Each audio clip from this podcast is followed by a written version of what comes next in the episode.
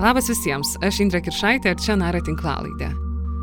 Su manimi yra kolegos Emilija Pociūtė, Adomas Zubė ir Julija Stankievičiūtė. Šiandien kartu mes pradedame dviejų dalių ciklą apie sugar dating. Emilija papasako, kas yra sugar dating.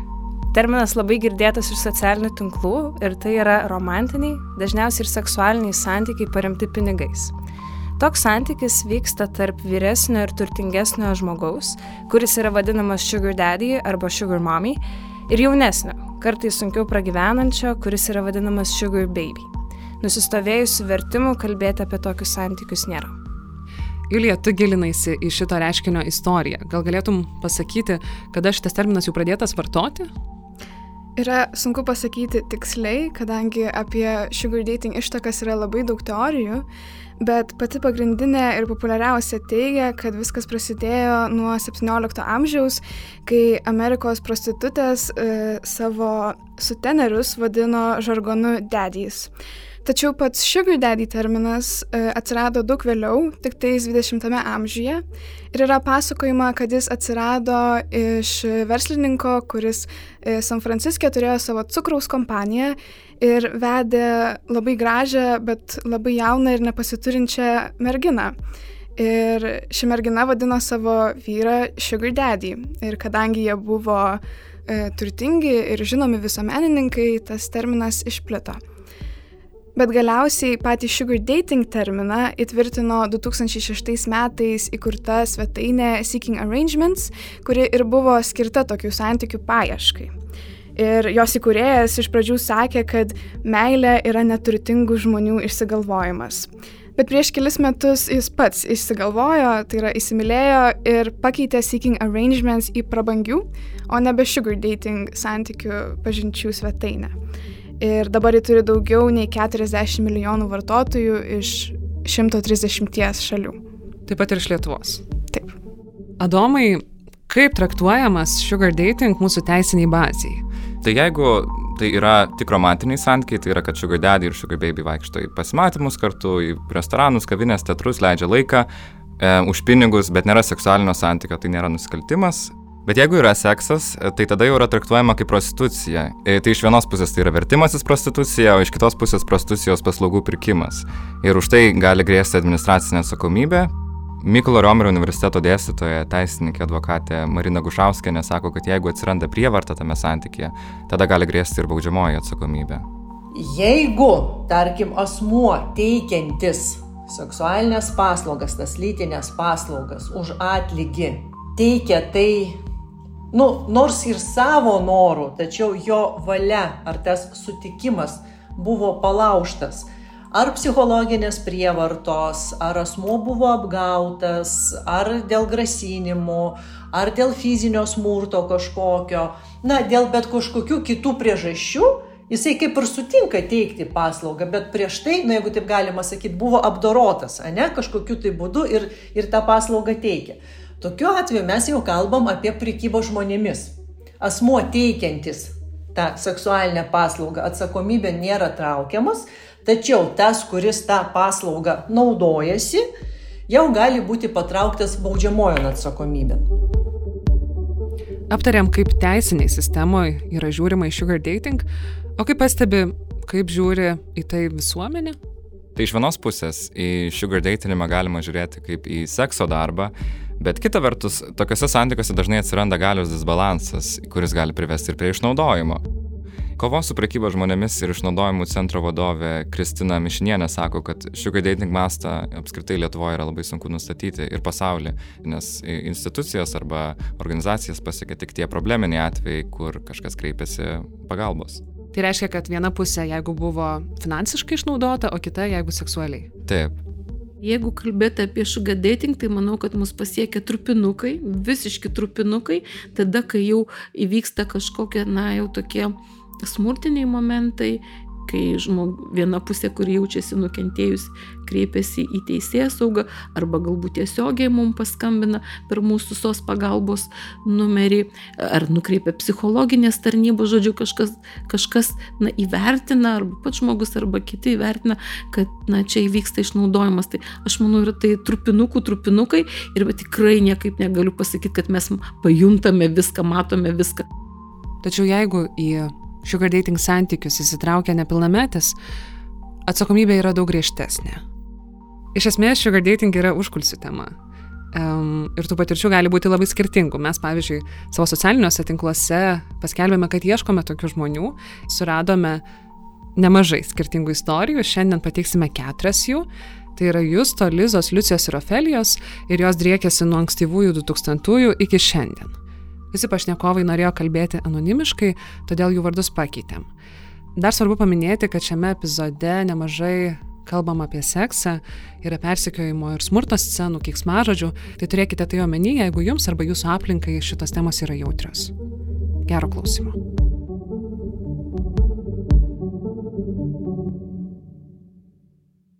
Pirmas skyrius. Šimtas litų grinais.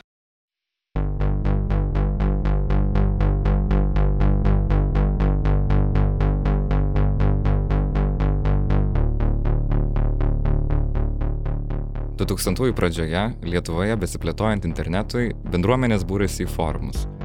Kūrėsi draugas LT, klasė, One LT, tarp jų ir Gayline LT. Tos pačios lyties santykiai dekriminalizuoti buvo dar tik prieš septynis metus, o laukinis internetas queer žmonėms siūlė taip reikalingą anonimiškumą, todėl Gayline forume rašyta drąsiai. Šalia temų pasižiūrėkit, ką litovcai mano apie mūsų teisės ir ar išeitų suorganizuoti Gay Pride Lietuvoje, Pokalbių kambariuose vyrai prisidengę slapyvardžiais ieškojo pažinčių. Ir rašė, tu dirbi Ventus degalinėje prie Saulėtekio, esi apie 20-24 metų. Mmm, mm, galėčiau tai suvalgyčiau tave, koks tu gražus. Greta trumpų įrašų oranžinis mygtukas atsakyti, kur neišduodamas savo elektroninio pašto adreso galėdavai atsiliepti užklausą, tiesiai parašyti žmogui, atsiųsti vienas kitam nuotraukų, sustarti susitikti. Sunku pasakyti, kiek žmonių pirmajame 2000-ųjų dešimtmetyje naudojosi forumu, bet 2007 metais vien Gayline LT turėjo pusantro tūkstančio registruotų vartotojų. Šalia jo veikia dar ir Mirkas, kuriame buvo kanalas Gay, tokios erdvės, kuriuose be didelio moderavimo sukosi pažinčių avilys. Penkiolikmetis Justas sėdėdavo kompiuterinėse ir naršydavo Gayline forumą, kur ieškojo ne visai draugyščių. Aš įdėdavau skelbimą, taip ir taip, toks ir toks. Ten kažką susitikčiau už paramą, nu, tipo. Man atrodo, buvo netgi kažkoks tai kodinis žodis, aš dabar jau nebeprisimenu, kuris buvo naudojamas. Blogiausia, kas galėtų atsitikti, tai ištrintų tą skelbimą, bet to net nebūdavo. Kartais kažkas parašydavo, ne kartais, bet čia parašydavo visai, tipo, o, žinai, čia kažkas, tai kokios detalės, kokios kainos, kas, kaip tu atsiųsk ten foto, taip toliau, ir tada jeigu atrodydavo, kad uh, žmogus, kuris rašo, yra adekvatus kažkuria bent jau kita, ar nepavojingas, gal taip pasakysiu, tada atrašydavau, kaip va čia taip ir taip, žinai, tokios detalės, toks foto, pačiau susitikimą gal maždaug tiek norėčiau, tame susitikime galėtų vykti taip. Vieną kartą jis nusprendė susitikti, jo žodžiai virto veiksmais. Tai man atrodo, pirmą kartą tiesiog aš atvažiavau pas tą žmogų į namus ir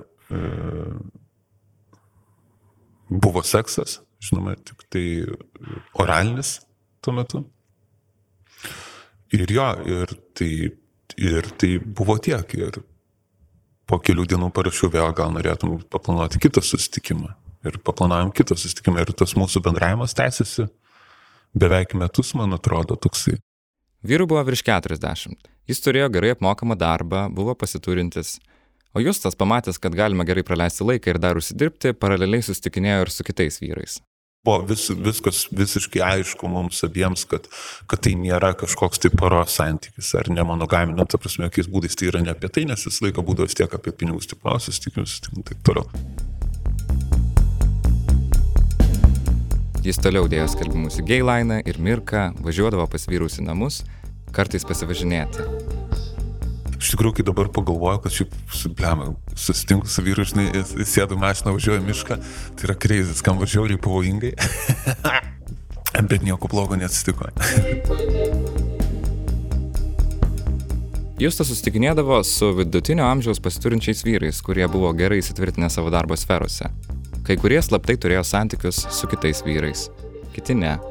Su jais eidavo į teatrą, pietauti, važiuodavo į kitus miestus toks kaip biški simulacija tokių, kaip, kaip ir būtų poros santykių, bet niekas niekada negalvotų, kad mes esam pora, labiau tėvas ir sunus. Nu, žinai, taip atrodo išoriškai tikrai ten labiau ir taip kažką tai, žinai, parenginam ir nebūtinai kažkas tai baigėsi, baigėsi kažko tai intimu dažniausiai, bet, bet aišku, dažniausiai baigdavosi vis tiek. Su vienu iš vyrų jis važiavo į Vilnių, lipo į Gedimino kalną, pietavo pilies gatvėje, kalbėjosi apie miestą. Justui visą tai darė didelį įspūdį. Su šeima jie mažai keliaudavo, todėl išvažiuoti į Vilnių jam reiškia visai daug. Prisinau, kad grįžtamas namo tiesiog visai, kad smagiai praleidau dieną ir galbūt buvo netgi tokio, prigavau save jaučianti kažką tai galbūt daugiau negu aš norėjau sauliaisti jausti tame santykėje ar ne kažkokį tai labiau, kad galbūt irgi priartėjau emociškai labiau prie to žmogaus ir kad galbūt jau pradedu galvoti, kaip čia būtų fainai, galbūt dar daugiau tokių dienų ar neturėti, bet visai greitai save pagavau tame ir paskui sakau, kad, na, na, na, na, na, na, čia ne taip, čia ne taip, čia ne taip ir, žinai, sustabdžiau save nuo, nuo, nuo to ir grįžau į savo norimą realybę, žinai, susikurti. Apie tai, kad už pinigus susitikinėjo su vyrais, Justo šeima nežinojo. Jie neturėjo labai artimo santykio. Justo tėtis sunkiai sirgo, o mama turėjo psichologinių problemų. Pas mus ta šeima nebuvo, gal sakykime, labai tvirta.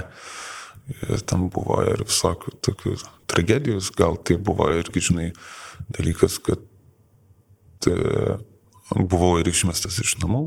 Ir e, jo, ir po to ten, na, nu, aišku, sugrįžau, bet santykiai nebuvo geri. Niekada su mama, tai, ta prasme, man net nebuvo įdomu, ką jis galvoja iš tikrųjų. O dėl ko buvai išmestas? Uh, nes buvo įtarimai apie mano seksualinę orientaciją, kurie buvo teisingi iš tikrųjų. Taigi, ko trūko?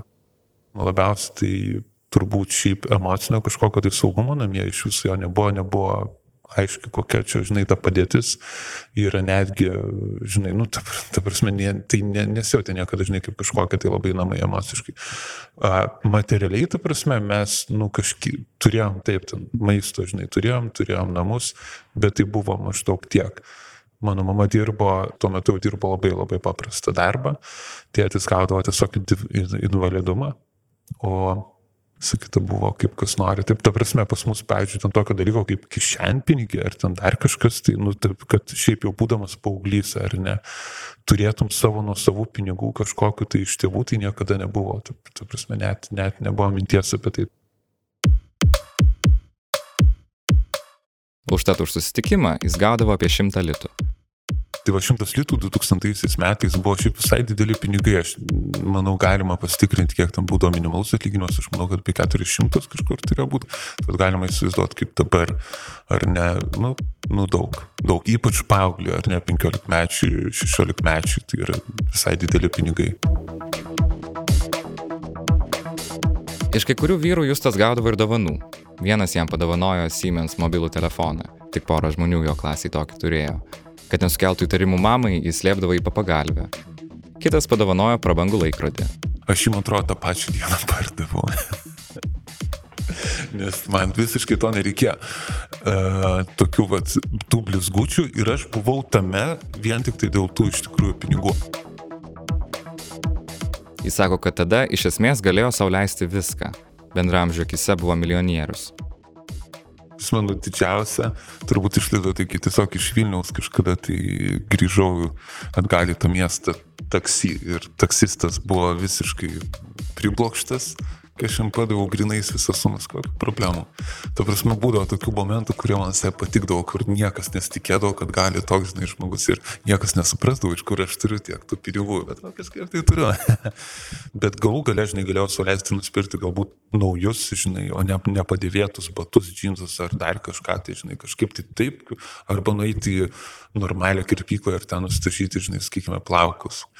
Tai galėdavau tiesiog daryti tokius dalykus. Kartais netgi tai buvo ne tai, kad aš galiu daugiau negu mano bendramžiai ar mano klasiokai, o labiau gal tai, kad aš galiu tą patį daryti, ką ir jie daro. Bet jūs tas vyrus, su kuriais susitikinėdavo už pinigus, neprisileisdavo per arti. Kai tik pajusdavo, kad santykis tampa artimesnis, emociškai, jį nutraukdavo. Tuo metu ir šiaip ilgą ilgą gyvenimo savo dalį visą tai mačiau kaip savo galios įtvirtinimą labiau, kad aš mačiau, kad aš valdau tą situaciją. E, ta prasme, todėl, kad aš visą laiką kontroliuodavau tiek susitikimų dažnumą, tiek tai, kas vyksta per juos, tiek e, emocinį irgi artumą su to žmogum. Tiksliau, artumo net labai iš mano pusės nebūdavo, greičiau atstumas. e, viską kontroliuodavau ir tiesiog, kai man kažkas netikdavo, tiesiog būdavo cancel, žinai. Dan. Tai va, tas ilgiausias santykis baigėsi taip, kad aš pajutau, kad tas žmogus galbūt e, nori kažko tai daugiau negu vien santykius su pinigais, ta prasme, kad jis norėtų galbūt, kad tai progresuotų jau santykiai be pinigų, be paramos. Ir man tai buvo iš karto ne, žinai, kad tikrai, kad tikrai to nebus. Ir na, mes apie tai pakalbėjom ir tiesiog kokie, okay, gerai, tai don. Nes aš tam žmogui nejaučiau jokių jokių jausmų, tokių tų romanų, kad aš norėčiau kažkaip tai gilintis. Jis netgi buvo gal uh, aš galėjau tai puikiai toleruoti, bet manęs nedomino jisai. Manęs nedomino jisai kaip, kaip, kaip žmogus, galima sakyti, gal tai. Negaliu atsakyti tiksliai, kaip aš nusibrėžiau tas ribas, bet aš tokį vat, gal momentą atkreipčiau dėmesį, kad tai buvo 2000 ir tai buvo e, vienos lyties santykiai. Kad jau galios yra daug mažiau pas tą vyrą, bet kuriuo atveju, nes jisai yra homoseksualus vyras 2000-ųjų Lietuvoje jisai bijo bendrai, ne tai, kad jis bijo manęs, bet jis tiesiog pilnas yra baimės. Jis todėl mažiau galbūt yra, žinai, gali elgtis manipuliatyviai ar drąsiai. Ne tai, kad visiškai to negalėtų būti, bet jau jis yra šiek tiek ap, ap, apvaržytas. Aš, aš taip matyčiau, ar ne. Ir taip aš esu pavoja, bet, bet jisai irgi yra pavoja. Mes abu esam pavoja. Ir, žinai, mes vos nebudu galim susideginti ir ta prasme šiaip. 2000 Lietuvoje net ne tik, kad jis yra vienalyčiuose santykiuose su kažkuo, tai, bet jis yra vienalyčiuose santykiuose su nepilnamečiu. Tai yra, ta prasme, big, žinai, didelis dalykas, didelis pavojus. Tai, tai turbūt va čia, čia buvo mano gale irgi.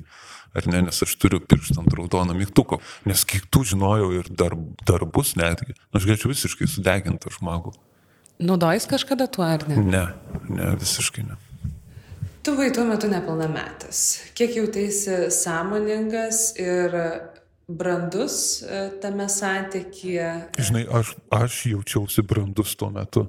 Nes aš galvoju, okei, okay, aš vertinu, ką aš iš to gaunu, ką aš, kaip mane ten tai paveiks, bet aš nežinau iš tikrųjų dabar, ar, ar aš tikrai tai vertinu, žinai, ar aš, nu, tipo, ar kūriau kažkokį, tai, žinai, paterną šiaip santykių, kuris man po to atsikartos ir, žinai, atsilieps visam gyvenimui, aš nežinau tiksliai.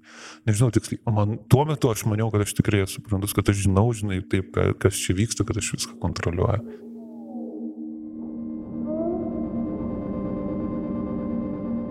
Sugar datinimu jis užsiemė iki kol jam suėjo 18. Nors yra biseksualus, Justas už pinigus į pasimatymus eidavo tik su vyrais. Kadangi buvo ir eskorto, Justui dabar sunku suskaičiuoti, kiek turėjo ilgalaikių santykių už pinigus. Jis sako, kad apie 5-6. Vis tiek suprantu, kad aš nesaugiai jaučiausi ten, ta prasme, kad aš turėjau labai riboti save. Nu, tai vien tai, kad sakau, žinai, kad aš turėjau atstumą išlaikyti, aš laikiau atstumą nuo tų žmonių, tai reiškia irgi, žinai, aš tyriau savo seksualumą su žmonėm, nuo kuriuo aš labai griežtai laikiau emocinį atstumą. O galbūt, vat, kad ką aš galėjau patirti ar ne, tai tyrinėdamas save, e, savo seksualumą su bendramžiais, kuriais aš galbūt nebūčiau turėjęs laikyti tokio emocinio atstumo. Galbūt tai būtų be visai kitaip. Tokie santykiai jam tapo vis mažiau aktualūs ir reikalingi, kai jis pradėjo užsidirbti pinigų iš kitur ir susitikinėti su savo amžiaus žmonėmis.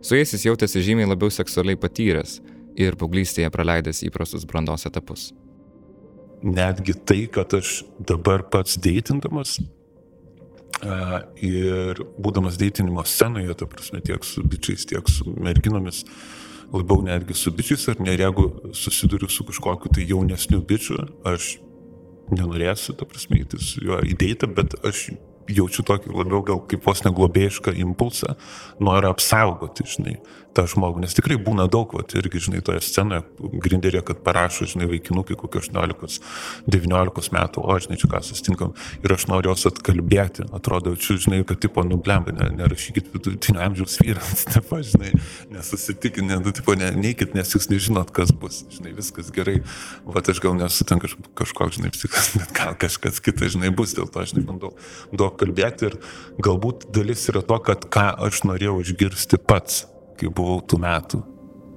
Žinai, kad aš bandau būti tas, tas, tas žmogus, kurį aš norėjau pats susitikti, žinai, tuo. Tuo laiku.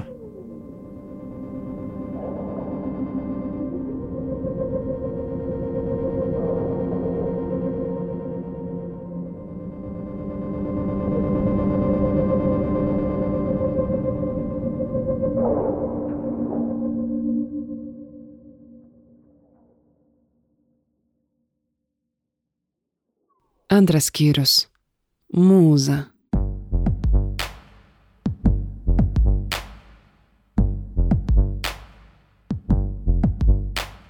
Septyniolikmetė Liza mokėsi konservatorijoje ir netikėtai per Facebooką jai parašė muzikos produceris ir pasiūlė nusifilmuoti reklamoje.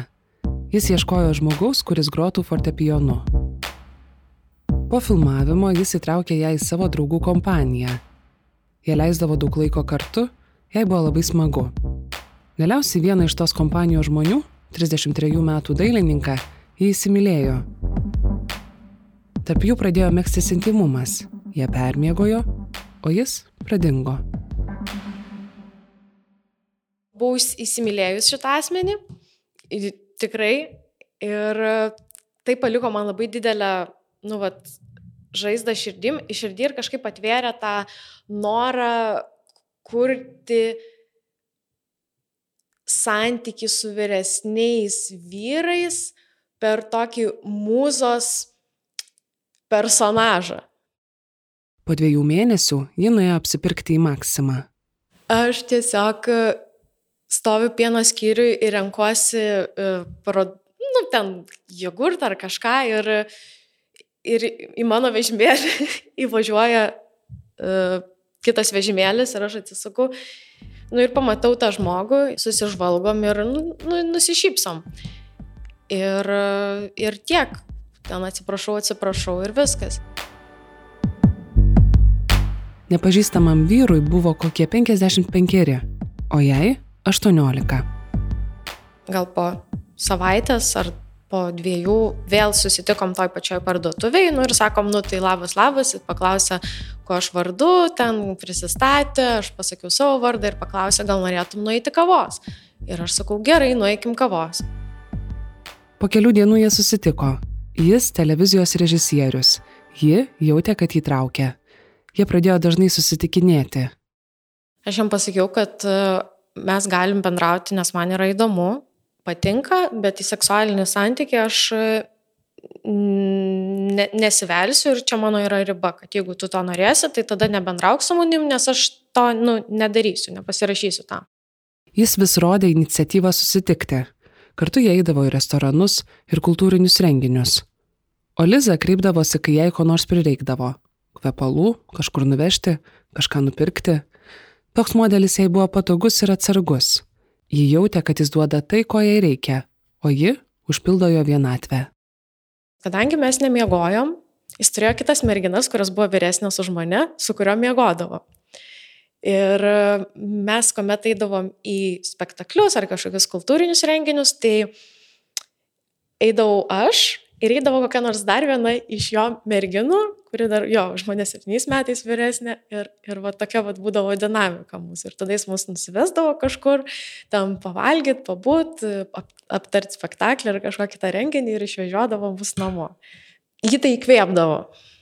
Nes aš manau, kad turėdavo tam tikrą tą režisierių, nu čia aš taip vėlgi stereotipiškai labai pasakysiu, bet, nu, tą režisieriaus tokį poreikį grožiui, moteriams, jų, jų, jų dėmesiui.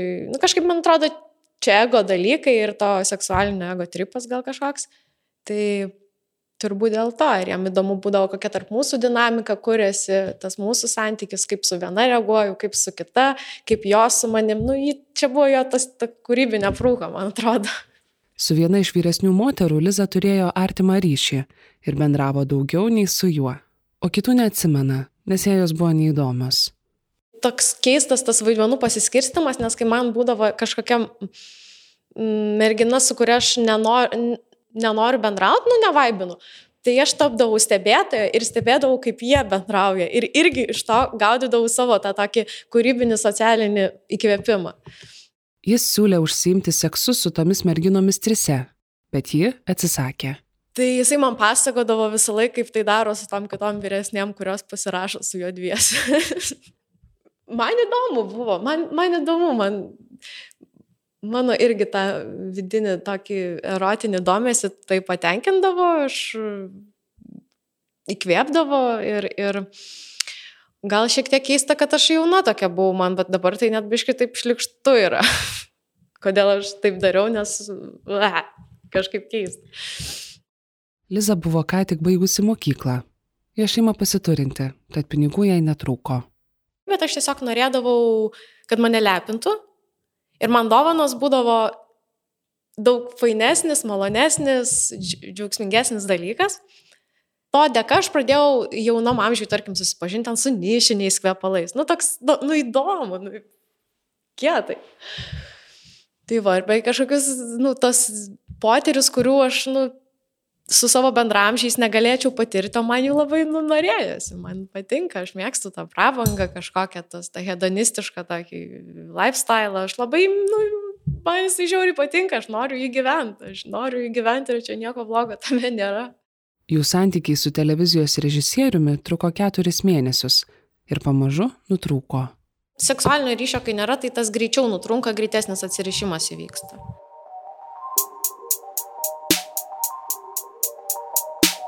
Kita vasara vyko Lizos pusbrolio vestuvės. Suvažiavo daug pusbrolio draugų, tarp kurių Londone gyvenantis inžinierius. Jam buvo 28, jai 19. Jie pradėjo susirašinėti ir karts nuo karto susitikti. Jis nupirkdavo jai bilietus į Londoną, o jis kartais atvažiuodavo į Lietuvą. Tik čia buvo seksualinis santykis, nes, sakykime, šitas žmogus nu mane galėjau savai įtikinti, kad traukia galėjau įtikinti. Šiaip netraukė, bet nebuvo, buvo visai viskas ok. Tik tai buvo gal kančia, kad uh, mažas daiktas, tai nebuvo fainas seksas, bet, nu, taip buvo visai smagu vis tiek. Jis pirkdavo jai daiktus, siūsdavo pinigus mokslui, harmonijos ir dainavimo pamokoms, taip pat ir pramogoms. Pavyzdžiui, nu, kokį meką kosmetikos šopą ir pasiemu ten už 300, 300 eurų kokios kosmetikos, kur taip pat draugiam ten išdalinsiu ar dar kažką. Kartu jie važinėjo į keliones. Jis nupirkdavo jai bilietus iš Lietuvos, o pats atskrisdavo iš Londono. Sekso su juo įvengdavo. Tai seksualiai man nebuvo malonu, man nepatikdavo, labai tas seksas skausmingas, ne, nepatikdavo aš taip tiesiogiai neparodydavau, ten sakydavau mėnesinės, ten arba kažką susigalvodavau, tarkim, ten Barcelona, kai nuvažiavam savaitę ir man ten buvo mėnesinės ir, ir, ir aš taip išsiskaičiau, kad būtų mėnesinės, kad nereiktų. nu, tas datas pasakiau. kad būtų taip. Tai va, tai išsiskaičiavau, buvo ten tas mėnesinės ir, ir tiek žinių, nu, tai aišku, ne faina, bet ten, ten paglosti kažką, ten masažą padarai. Tai paprastesniais tokiais dalykais, kurie man, man yra, nu, ok. Nes vis tiek šitas santykis, nu, jis nėra iki galo atviras iš jausmų pusės. Jis vis tiek paskaičiuotas, apskaičiuotas, strateginis labiau yra. Labiausiai Liza erzino tai, kad ji turėjo vaidinti intimumą, kad gautų naudos Kai jis atvažiuodavo į Lietuvą, apsistodavo viešbutį. Į savo namus Liza jo nepriimdavo. Vėliau jis susirado merginą, jie išsiskyrė ir nebendrauja iki šiol.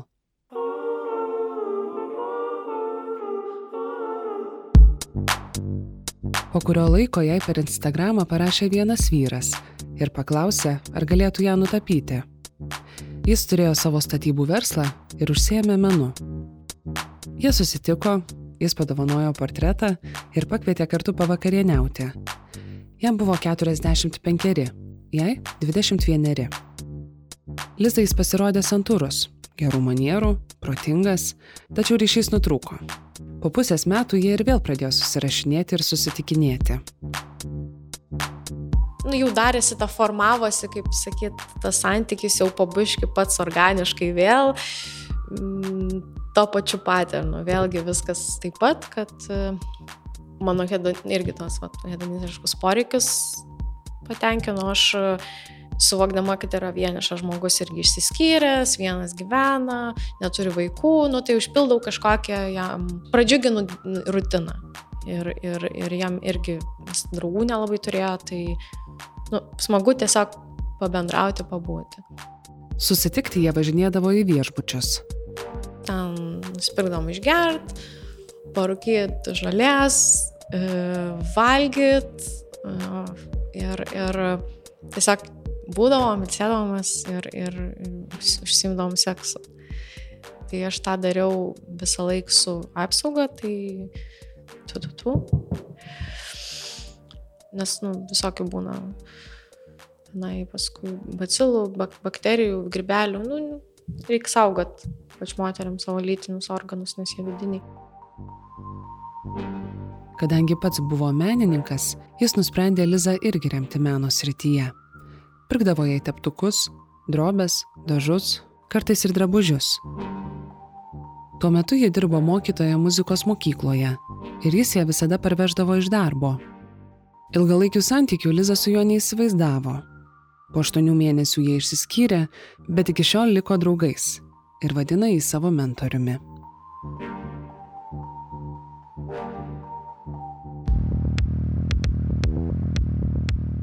Per Instagramą ją pafollowino dar vienas vyras.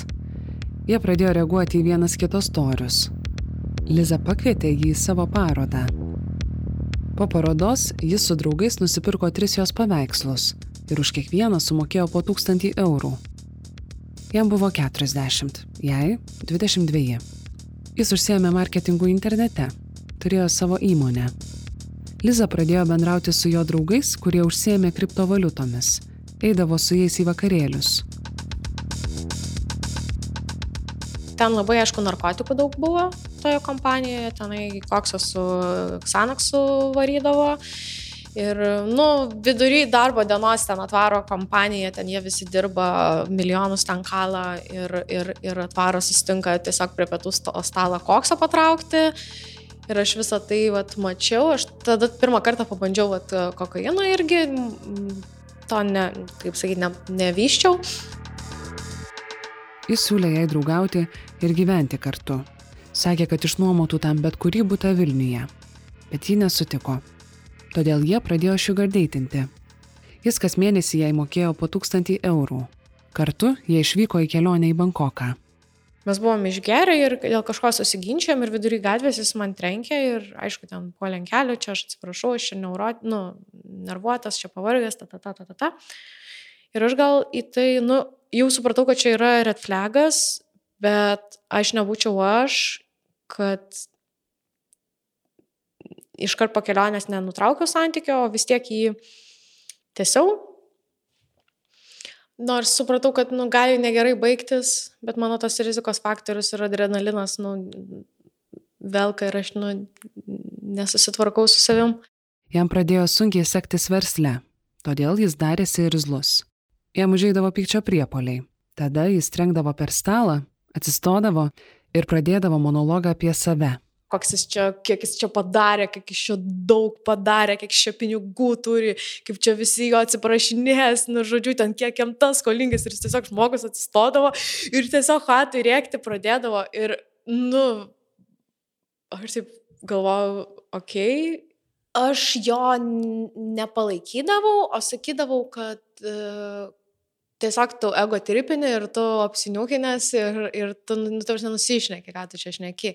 Ir va, tiesiog e, oponuodavau visą laiką su jo, tai tojais monologais naudodavau jo oponavimą ir sakydavau, ne, tu ten ne taip, tu čia nešit. Vieną vakarą jie susitiko vakarienį jo namuose. Jis pradėjo vėl elgtis agresyviai, o ji jam prieštarauti. Ir aš tuo metu geriau um, sidrą ir jis tiesiog atėmė taurę mano ir pastatė. Ir aš tiesiog ją pasėmiau atgal ir nusižvengiau ir toliau geriau. Ir, ir tada jisai paėmė savo taurę tokią ir man vožė į veidą. Jo, ir aš buvau su tokiais storais akiniais. E, tai man, man apsaugojo mm, ačiū Dievui, akis, nes galėjo suvaryti akis, tai tie akiniai lūžo, nuskrido, ta taurė į televizorių sutaškė, tada jis mane grėbė už plaukų, pradėjo tos stiklus e, daužyti. Ir bandyti iš, iš, iš būto ištemti už plaukų, žodžiu, aš jau stengiausi nesipriešinti, nes mačiau, kad ir peiliai guli ir dar kažkas, ir mane čia gali gyva toj pakastai, aš tiesiog nesipriešinsiu ir, ir nu, tiesiog paklūsiu. Uh, nes jis mane nori iš, išmesti, tai viskas gerai. Tada kažkaip atsistojau, tada jis ten aišku mane trankė, spjaudėsi, rėkė ant manęs, kad aš ten kekšė, prostitutė, vyrų išnaudotoja, pizda, nu visai kaip, kad jis ten susidoros su manim, kad jis manęs nekenčia, kad dar gyvenime man atsirūks, kad jisai man to šitaip nepaliks, tipo, kad aš tyčias iš jo. Žodžiu, tai va, ir prieš išeinant dar iš tokio butelio man dėjo galvą, čia priskėlė galvą. Ji iškvietė policiją. Tai atvažiavo ten greit sureagavo dvi minutės ir jį išvedė su antrankiais, mane nuvežė į ligoninę, man teko aišku rašyti pareiškimą. Buvo labai komplikuotos aplinkybės, nes mūsų santykis tai kaip tai jūs sugyventiniai, jūs pora, jūs kas. Ir nežinai, ką tai policijai pasakyti, nes, nu, kaip ir nesantykiai, bet kaip ir santykiai, tai sakai santykiai, nu tai fiksuoja kaip sugyventiniai, tada ten dar kitos kažkokios aplinkybės gaunasi. Prasidėjo teismo procesai. Jis vis keitė parodymus. Iš pradžių sakė, kad tai ji naudojo fizinį smurtą. Tada kaltę pripažino. Po to teismui ir vėl pristatė pirminę versiją. Šiaip jis man rašydavo, blackmailindavo labai stipriai visą šito proceso metu, aš iki dabar irgi išsisaugoju žinutės, grasindavo, laukdavo prie mano, pavyzdžiui, studijos, kur būdavo mašina kažkokia, tai stovėdavo visada užvesta ir, ir kol aš būdavau studijai, matydavau, tai aš net bijodavau išeiti ir kai kuriem draugam pasakiau, kad yra tokia situacija, iki galo visko nepaaiškinau, bet parašydavau, kad gal galima mane ar palidėti, ar pabūti su manim, nes būdavo vienai nesaugu, nešiodavau speilį, ašarinės dujas tai buvau pridėjus į, į, į batą konkrečiai ir vieną kartą aš grįžtu pas tėvus ir jisai ten atsėdi. Pas tėvus namie? Pas mano tėvus ir mano tėvus kažkaip užmanipuliavo, kad e, jie įleido jį į namus ir, sak, ir leido palaukti manęs. Ir aš grįžtu namo ir jis sėdi svetainiai tiesiog ir laukia manęs ir sako, labas, gal galim pasikalbėti. Čia kol teisminis procesas vyksta. Ir aš tada pabėgau iš namų ir apstumiau savo tėvų žiauriai ir prašiau, kad jūs debilai, ką jūs čia darot, bet jie nežinojo iki gal šitos situacijos, kodėl įsileidžia žmonės nepažįstamus į namus. Galiausiai šiam viską papasakojau, bet kas baisiausia, kad mano mama pasakė, nu tai pati prisidarėjai, pati kalta. Jo, tai va, iš tėvų palaikymo jokio šio klausimų negavau, reikėjo pačiai viską kapanotis ir tos teisminius procesus tvarkytis. Turėjau ten paskirtą advokatą, bendravau su moterų linija, rinkau visą tą blackmailinimą ir, ir, ir fiksuodavau, kur aš esu, jeigu aš apdraugdingsiu. Teismas jį pripažino kaltu už fizinį smurtavimą būtinio konflikto metu. Jam reikėjo sumokėti moralinę žalą 4000 eurų.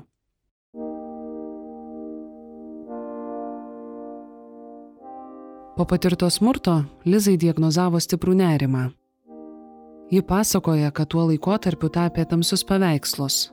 Ji iki šiol išgyvena panikos priepolius, kūno įtampą, skausmus, tačiau lankosi pas specialistus ir sako, kad jai gerėja. Po šio įvykio Liza nebeužsimnėja šių gardėtinimu.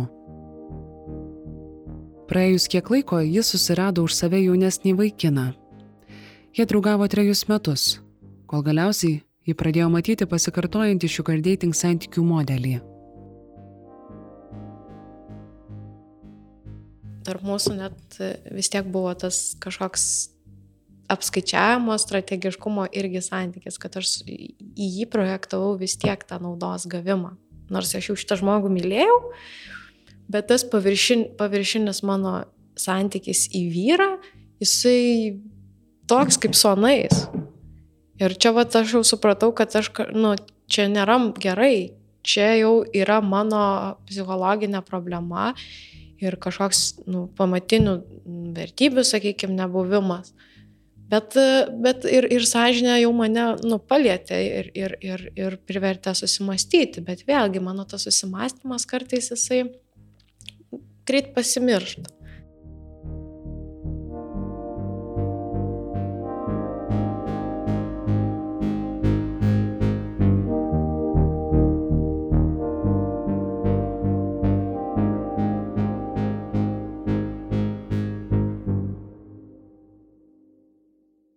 Trečias skyrius - švelni gale. Zumo lange Liucija. Jie apie 30, pokalbio metu su savo vaikinu iš JAV įklajoja po Meksiką. Toliau varysim į Austriją, man atrodo, ir Lietuvą parlėksim porai savaičių. Tada Anglijoje bandysim apsistoti. Ir maždaug mūsų tas gyvenimas tai toks nomad gyvenimas, kol pilnai įsikursim, tai tas toks tarpinis. Liucija užaugo Lietuvoje, o vasaromis ir per atostogas lankydavo savo mamą Junktinėje karalystėje. Sulaukusi 18, ji ten ir persikraustė. O 24 ji susidomėjo sugar datinimu. Aš, aš man atrodo, girdėjau apie tai ten, iš draugių arba iš, iš medijos ar, ar kažkas tokio. Ir kažkaip smalsu buvo. Ir galvoju, nu, blemba, ne, aš ką čia, ne, ne, nu, nes esu ne, ne ta standartinė gražuolė, kur ten, žinai, blondinė ilgom kojom kūda, visa kita. Bet Liucija įveikė smalsumas ir jį užsiregistravo į Seeking Arrangements. Kadangi jos profilis mieste buvo naujas, jai greitai pradėjo rašyti daug vyrų. Pradėjo rašyti ir aš tokia, to nežinau, ką, ką aš darau. Ir galbūt netgi, netgi sakiau tiem vyram, kad aš, aš čia pirmą kartą ir aš nežinau, čia kaip vyksta. Tai buvo vieni vyrai, kurie gerai, čia bus taip ir taip ir taip ir taip. Ir tu nori, tarsi nesakyk, ko tu nori. Aš galvoju, o, oh, wow, aš galiu iš tikrųjų aptart, ko aš noriu, ko nenoriu, ką galiu, ko negaliu. Ir galvoju, normaliam santykiai, aš to, kažkaip niekada to nebūna, visi apsimetam, kad mes čia geriausi pradžioje ir čia, nu, ar čia tau patinka, ar, ar tu man patinki, O čia taip atvirai, kas galima, ko negalima, boundaries ir aš tokia, blemba, kaip čia, tarsi, suaugusiai, taip gali netgi, netgi aptart, ko, kas, kas vyksta ir kas nevyksta. Tada ji buvo neseniai palikusi toksiškus santykius ir kai jai parašė vieną sugar daddy, jis sutiko susipažinti su juo gyvai. Tai jisai man parašė, prisistatė, iš tikrųjų labai, labai normaliai prisistatė žmogus, aš čia esu tas ir tas, aš čia to ir to ieškau. Um, aš galiu tą ir tą, ta prasme, per kiekvieną susitikimą tau tiek pinigų ir mes, ta prasme, praleidžiam kažkiek laiko, tiesiog jisai mano laiką pirko. Labiausiai jai patiko tai, kad jis ją išklausydavo. Jam įdomu būdavo, kas, mane, kas pas mane vyksta gyvenime. Man atrodo, jam, jam patiko būti to, tuo tokiu išklausytoju. Jam, jam kažką tai duodavo, jisai jausdavos tada, aš manau, kad jis jausdavos kaip pagalbininkas. Ta prasme, gal toks ego stroke ar kažkas tokio buvo um, ego boostas. Tie vyrai visada, aš sakyčiau, vy, su tais vyrais, su kuriais leisdavau laiką, tai jie visada pagarbiai ir klausdavo, kaip jaučiuos jiem visada įdomu būdavo, kaip aš jaučiuosi. Tai man tas buvo labai keista. Aš, aš iš pradžių galvoju, čia, čia normalu. Man, žinai, manęs vyrai, manęs vaikinai yra tai klaus, norėdavo žinot, kaip aš jaučiuosi. Jie norėdavo, kad aš užsičiaučiau.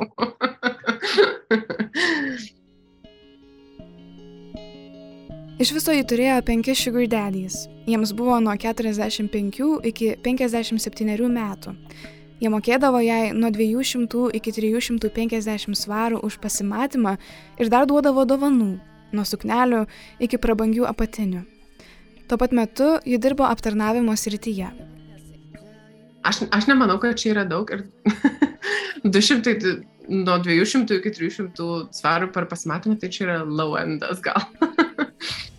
Sakyčiau, buvau gal low end sugar babe. Vyrai į pasimatymus jos pasimti atvažiuodavo prie namų. Kas aš manau yra pats geriausias dalykas iš tikrųjų moteriai. Aš kaip pagalvoju, kiek Uberių, kiek, kiek, kiek kelionių reikėdavo į paprastą pasimatymą varyti.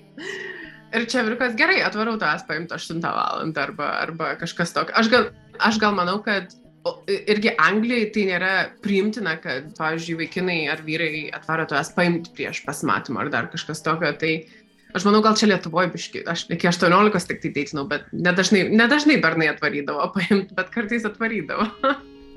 Tada jie važiuodavo vakarienės arba kažkur pramogauti. Jų pasimatymai nebūtinai baigdavosi seksu. Tai priklausydavo nuo to, ko jie abu nori ir kaip jie jaučiasi.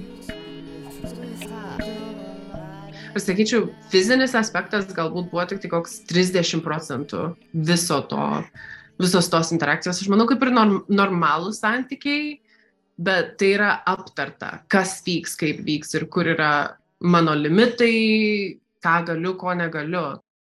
Aš manau, paprastuose santykiuose mes pamirštam tai aptart, nes mes paskendę ten svajonėse ir kaip aš tave čia labai myliu ir čia viskas bus gerai ir mes čia viską išsiaiškinsim ir viskas bus tobulai. Um, o tuose santykiuose ką gavau, tai gavau stabilumą. Labiausiai ją įsiminė su buvusiais Daddies užmėgstos draugystės. Su vienu iš jų ji bendrauja ir susitinka iki šiol. Jeigu ji patiria daug streso, jis padaro jai tantrinį masažą na, sakyčiau, tą žmogų iš tikrųjų mylėjau ir galbūt dabar myliu, bet tai ta meilė ten irgi nėra gili, kad man čia tavęs reikia ir tau manęs labai reikia. Mes, mes tiesiog taip natūraliai viens kitą mylėjom ir dabar, ir dabar esam geri draugai. Sugar datinti jinai nustojo, nes jai nusibodo santykiai, kurie niekur neveda. Bet jie leido jai pasijusti tokia moterimi, kokia ji nori būti. Aš, kai žiūrėjau tos santykius, aš, aš norėjau atsipalaiduoti ir būti tiesiog moteris, kuria yra rūpinamas ir tiek nes aš to savo gyvenime nelabai turėjau, nes aš arba dirbau, arba buvau užsiemus išėjimu iš santykių, tai jo. Santykiuose su Sugar Daddies ji nusistatydavo aiškės ribas. Žinojo, kad gali neatsiliepti į skambučius, skirdavo jiems tiek laiko, kiek norėdavo pati, jie jausdavo, kad kažkas ne taip, išeidavo iš pasimatymo.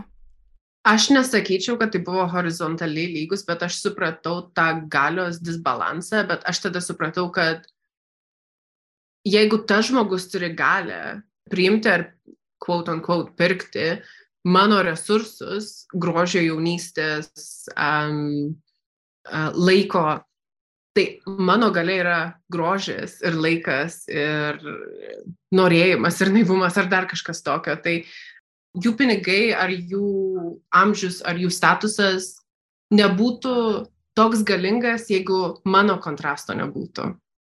Tai kontraste mes abu esam galingi ir aš galbūt, aš galbūt, kadangi supratau tą dalyką ir aš nežiūrėjau tai, kad čia labai man reikia, man reikia juos, juos kažkaip įvilioti ar prisivilioti ar, ar kažkaip juos pa, padaryti labai laimingus, kad aš čia būčiau, kad man čia būtų daugiau naudos, aš galbūt neturėjau to tokio požiūrio ir nesijaučiau tokia visiškai be galio, sakyčiau. Nes aš, aš, aš žinau, kad aš bet kuriuo metu galiu pasakyti ne. Aš galbūt, suprat, kadangi supratau tą, tai nebuvau labai lengvai manipuliuojama. Jeigu ten būtų labai meilės buvę, tai galbūt būčiau labiau pamanipuliuojama.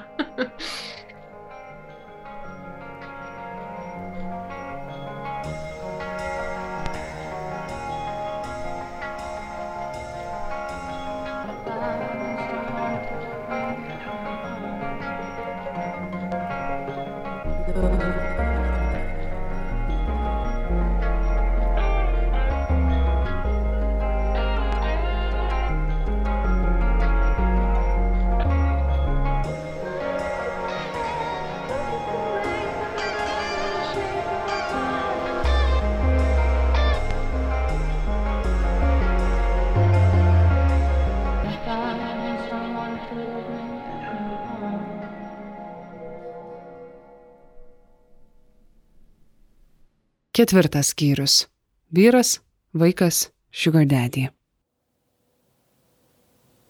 Mes sėdim terasėliai mūsų mažajam e, miesto darželėje, kur auga iš miškų parsvežti ir dar nenudžiūvę medžiai. Ir e, šiandien labai graži diena saulėta ir vynogės mameta šešėlį E, taip, ir mes tikom pakalbėti apie, apie, man atrodo, vieną nuostabiausių profesijų pasaulyje, kuri e, tokia yra kaip ir labai tamsiai matoma šiuo metu, bet, bet to pačiu turi labai daug grožio ir meilės ir gėrio savyje.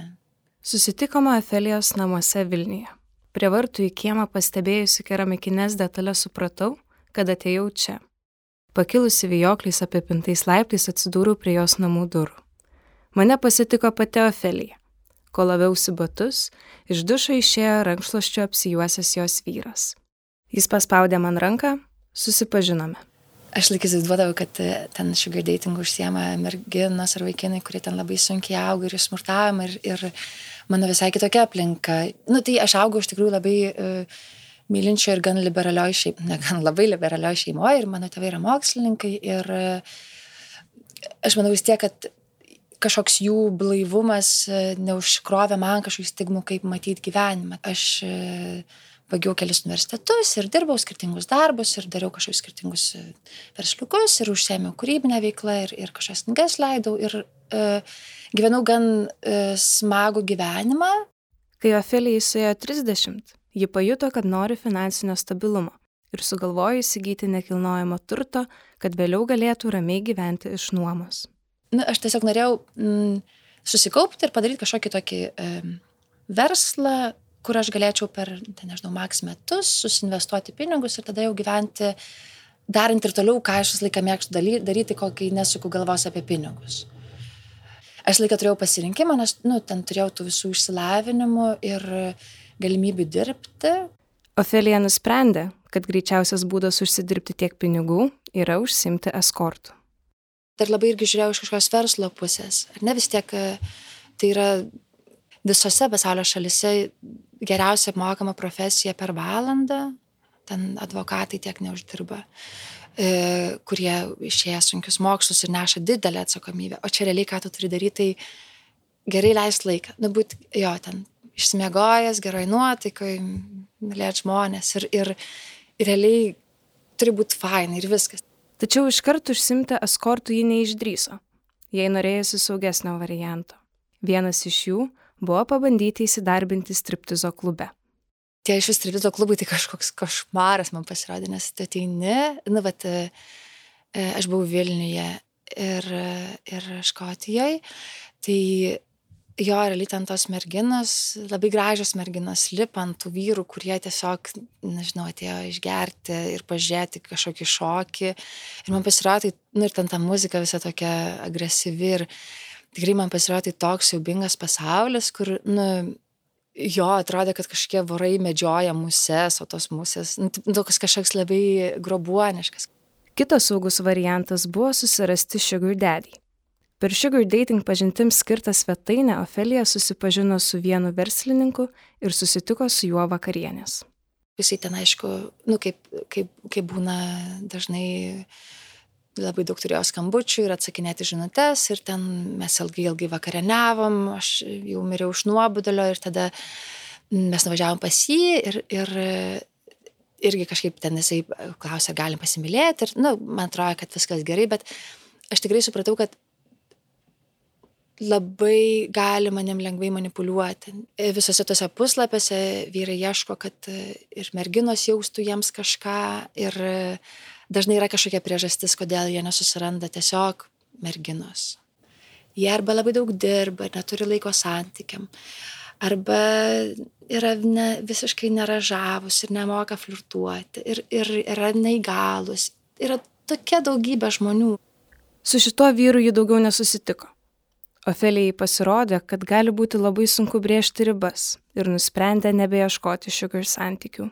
Tu lauki e, pinigų kaip paslaugos tiekėjas, bet tada, jeigu bandai užsiminti, tai tada tai yra nelabai mandagu, nes tai yra apie ryšį, kad tu esi mylinti ten mergina, bet tuo pačiu vis tiek tau tai yra darbas. Jeigu jau čia yra datingas ir tu esi kaip mergina, kiek kartų tu atsiliepi per dieną telefonu, kiek laiškų tu atrašai kai tu keliauji su žmogum, kuris tarsi e, moka tau už tavo buvimą, e, tikrai esi daug labiau pasitempęs, filtruoji kažkokius dalykus, kažko nesakai, ar ne, neflirtuoji su gražiais padavėjais ir taip toliau. Ir, ta prasme, jeigu už tai yra sumokama kaip už darbą, tai viskas yra gerai, bet labai dažnai tai būna, kad, nu, va, kiek aš matau iš savo draugių, kad kad tai yra tiesiog kažkoks santykio mesgymas, ryšio mesgymas ir tai yra kaip ir, nu, vad kelionė, ar ne, bet aš ten atskridinu į Paryžių ir kad tu turėtum džiaugtis, kad tu esi Paryžiui, bet tu nesi Paryžiui pagal savo sąlygas labai dažnai, tu esi, eini, eini, nu, neini į tuos muziejus, kur nori, nebūtinai. Ir, ir pasakyti čia, kad, e, nu, kad ne, mano laikas yra iš tikrųjų mano, mano turtas ir aš, e, aš, aš nesu ten taip įsimylėjus tavęs, kad skriščiau dabar tiesiog, nes nemačiau Paryžiaus, nes mes galim visi nuskristi Paryžių už 500 eurų.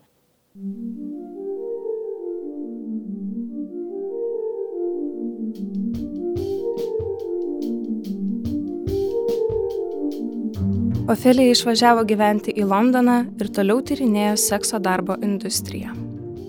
Buvau tarp labai labai laisvų žmonių, kurie gyvena ir e, kuria ir e, ten eidavo labai fainas orgijos, kur žmonės e, ten apsirengia kokią nors temą ir vyksta, ir vyksta kažkokie žaidimai ir paskui, na, nu, žodžiu, tokios labai buvo fainos patirtis, kur mačiau, kad žmonės tiesiog nesigėdė dėl savo seksualumo, kad viskas yra gerai, kad, e, kad žmonės turi poliamorinius santykius ir augina vaikus su, su keliais partneriais ir kad ir tada susipažinau su žmonėm, kurie ir užsiminėjo eskortinimu ir e, kažkaip mačiau, kad jie pasakoja labai apie tai, kaip e, tiesiog, kaip tai yra darbas ir, ir kaip ir darbe būna, būna ir, ir fainų dalykų, būna ir kas užknisa ir ir taip toliau. Ir man tą pasirodė, tikrai man tada buvo toks lūžis, kad, a, tai, nu, nėra viskas juoda ir balta, nėra, kad e, ten, nežinau, krikščioniška šeima yra gerai, o, o nežinau, prostitucija yra tiesiog blogai. Ji pradėjo vaikščioti į sekso darbuotojų susitikimus. Ten ji išmoko, kad tam, jog išsiskirtum iš kitų, turi atrasti savo klientų ratą. Man nori, labai įdomu buvo visas tas seksualumo pasaulis ir galbūt man norėjos kažkokio um, kad manęs geistų, nes aš šiaip realybėje tokia biškė su močiute. Ir man kažkokia norėjos tokia, nežinau, um, būti savimi, bet atras kažkokią savo auditoriją, kur aš galiu būti savimi ir, ir nežinau, čia man, man labai toks buvo jausmas, kad aš kažkokią kepyklą atidarau, kur aš kepu keksiukus, kurie yra skanus ir žmonės juos valo, kad mes kažkokį vat, kūnišką malonumą galim patirpti su žmonėm ir, ir aš sukuriu tokią aplinką, kokios aš noriu. Susitikimams su klientais Ofelija išsinuomavo atskirą butą Londono turistinėme rajone. Iš tikrųjų, man labai reikėjo kompensuoti savo, ten, nežinau, celiulitą ir kažkokį, nežinau, tokį netobulumą, nes labai aiškiai matėsi visam tam kontekste, kad aš iškrentu, nu, nes ten tokios super gražuolytės. Ir tai va turėjau labai prabangų būtą, tokį minimalų ir super švarų ir tada žodžiu, visai jau bandžiau kompensuoti savo, savo tiesiog, nežinau, maks duoti, ką galiu. Ofelija klientus pasitikdavo su kavos arba arbatos podeliu. Šiek tiek pabendravus, jų pasiūlydavo jiems nueiti į dušą, o tada pakviesdavo į mėgamąjį ir paklausdavo, kokių poreikių jie turi. Galiausiai ji pajuto, kad jos santykiai su klientais pradėjo panašėti į sugar dating.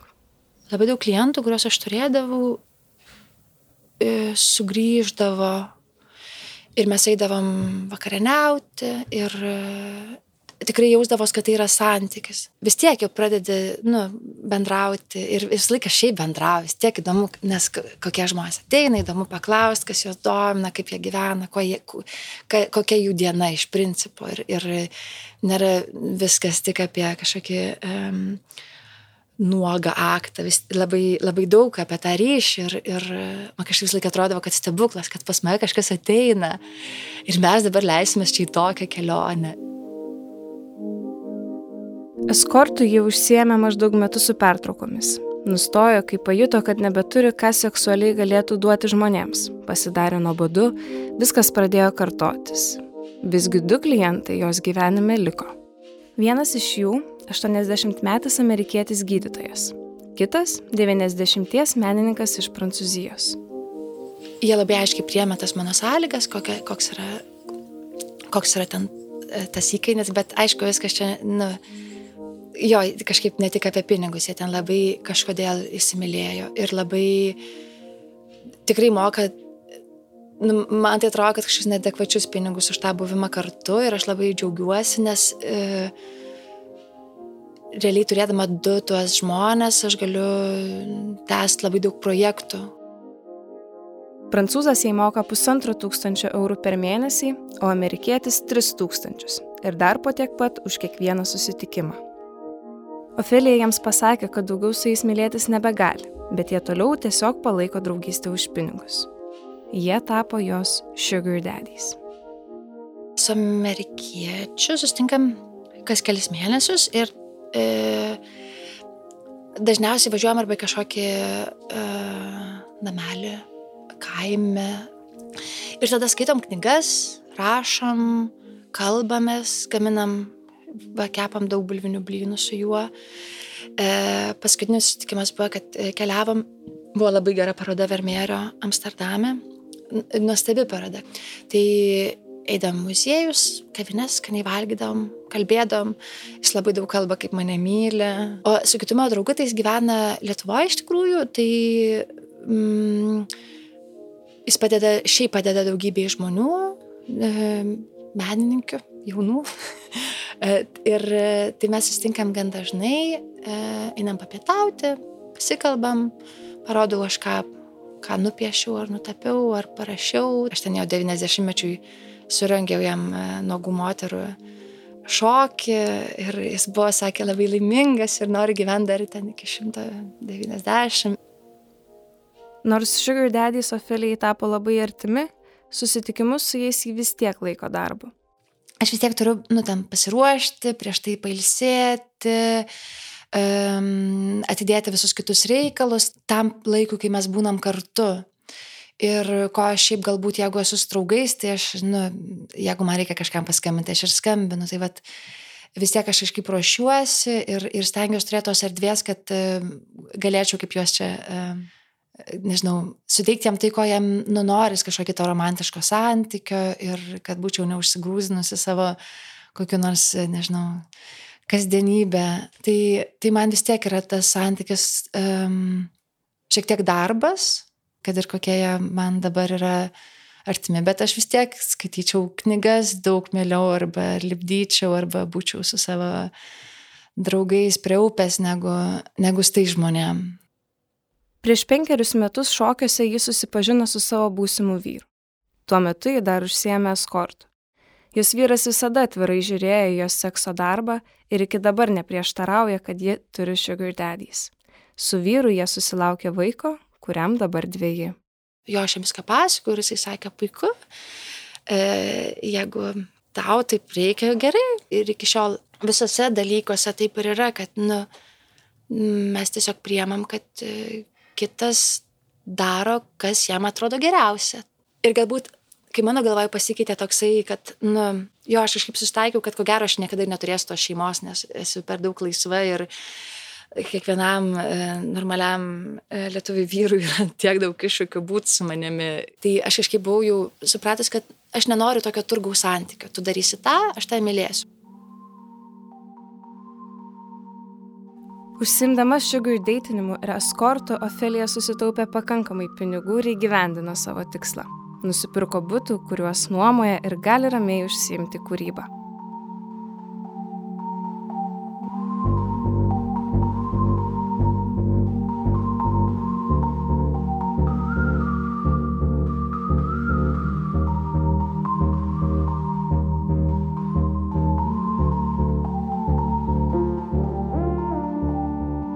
Toks mūsų epizodas šiandien. Ačiū, kad esate kartu. Šios garso dokumentikos autoriai - Emilija Pociūtė, Julija Stankievičiūtė, Adomas Zubė ir Indrė Kiršaitė. Antrame šio ciklo epizode - istorija apie tai, kaip sugar dating modelis, kai jį įsitraukia nepilnametis, gali privesti prie išnaudojimo.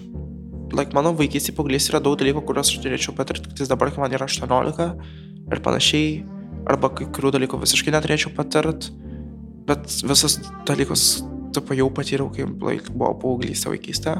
Visus tos bad things, kurios like, reiktų praskipinti savo gyvenime. Šį pasakojimų ciklą rengėme bendradarbiaudami su Nacionalinė asociacija prieš prekybą žmonėmis. Įgyvendinami projektą, stiprinant interaktyvų žurnalistinį naratyvą, prekybo žmonėmis tema, kurį finansuoja Vokietijos ambasada Lietuvoje. Jei vertinate mūsų veiklą, prisidėkite per Contribui ar bankiniu pavedimu. O jeigu esate verslas ir norėtumėte tapti mūsų partneriais, parašykite mums narą etanara.lt.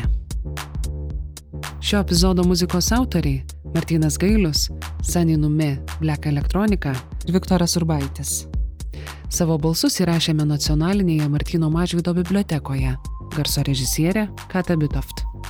Iki kito susitikimo.